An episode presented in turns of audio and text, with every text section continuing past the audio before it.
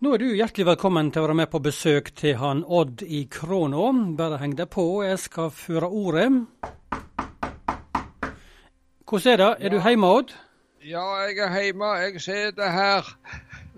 Du sitter klar, du.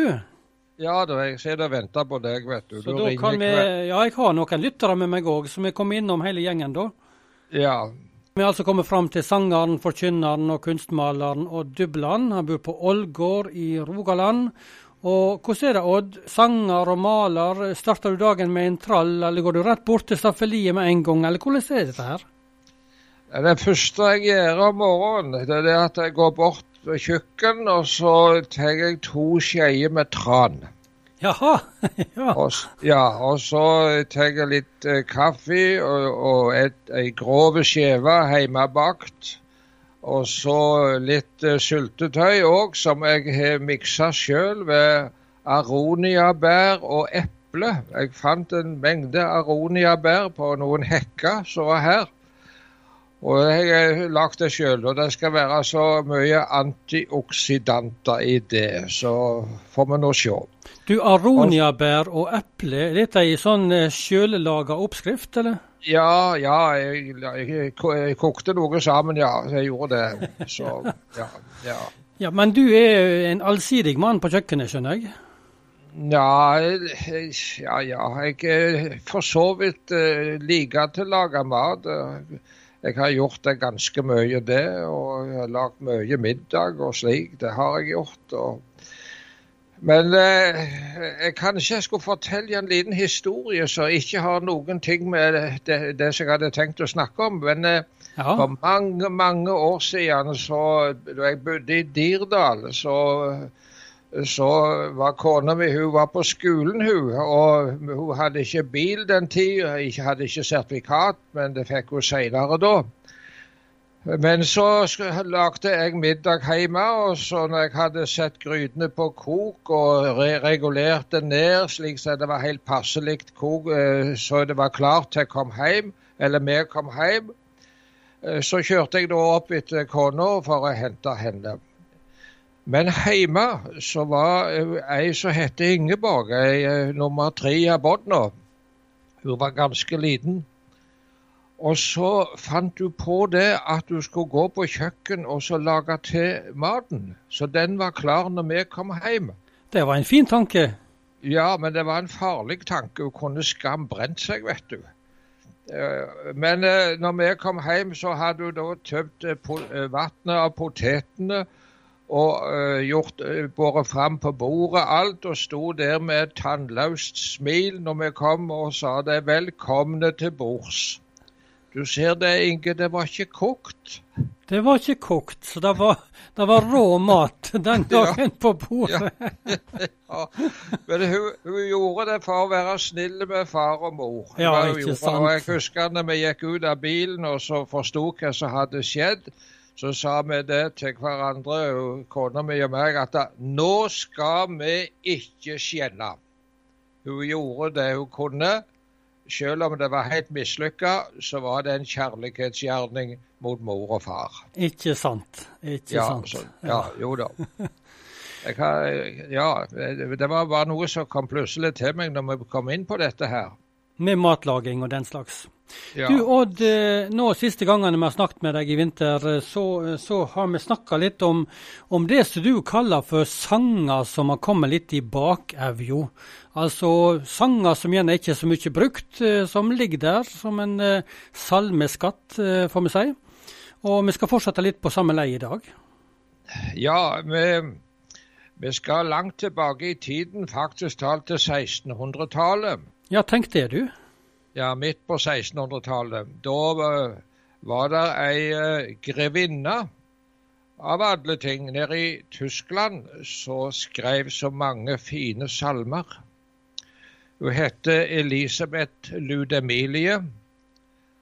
Og hun var kunstner og var dyktig, også hadde interesse for vitenskap, så det var ei dyktig dame.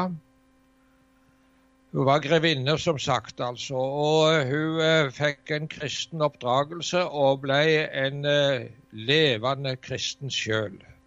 Det var kanskje ikke så vanlig innen den høye stand, akkurat det.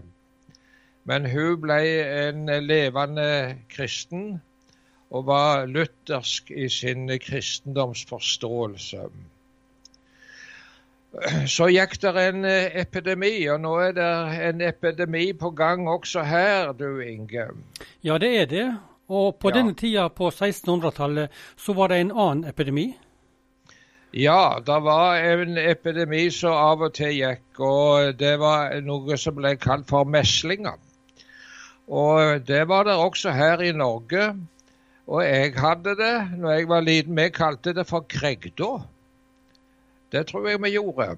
Stemmer det, ja. Ja, og så eh, Det var en farlig sykdom til som kunne ramme eh, spesielt eh, veldig små bånd, og det var kosmo. Den var òg farlig.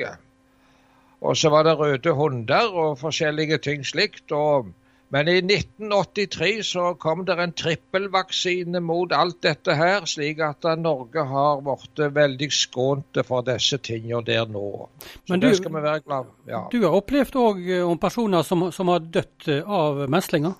Ja, jeg vet ikke av meslinger, men jeg vet om ei lita jente som døde av kosmo. Ja, nettopp. Ja, så vi skal være glad for vaksine som kommer. Og jeg syns det er beundringsverdig at de har klart å få til en vaksine mot denne covid-19. Ikke bare én vaksine, men eh, eh, veldig effektive vaksiner. Så vi får håpe at det lykkes til å få vaksinert mest mulig av folk tidligst mulig. Men det var så. Det var en ting vi skulle snakke om. Det var noe som skjedde på 1600-tallet. Og da var, det altså, da var det altså meslingpandemi som ramma denne familien til eh, Elisabeth Ludemilie? Ja, hun hadde to søstre, og de ble syke av meslinger begge to. Og, øh, og de døde. Og der er det at hun også blir smitta. Og hun dør i en alder var der 32 år. Og hun hadde da skrevet over 200 salmer og sanger. Og et inderlig forhold til Kristus Jesus hadde hun. Og det er to av de sangene som står i den eh, vanlige sangboka vår. Det er den sangen 'Sørg, o kjære Fader du'. Og så er det den sangen som jeg hadde lyst til å stoppe litt ekstra for, og den står på nummer 524 i sangboka. Ja, da er jeg spent på hva, hva, sang, eh, hva denne sangen tar for seg? Ja, altså det er faktisk da ei bønn.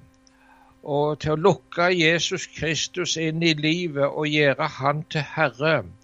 Det går igjen i sangen eller salmen Altså ikke som jeg vil, bare så du vil.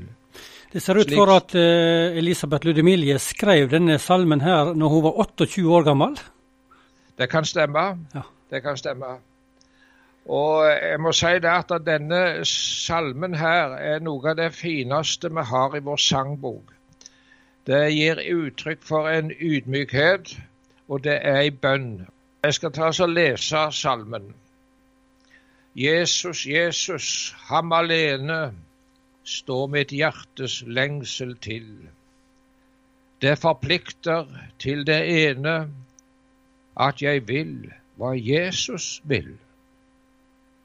Så i ham jeg glad og mild roper, Herre, som du vil. Jesus, du skal alltid være den jeg dypest holder av.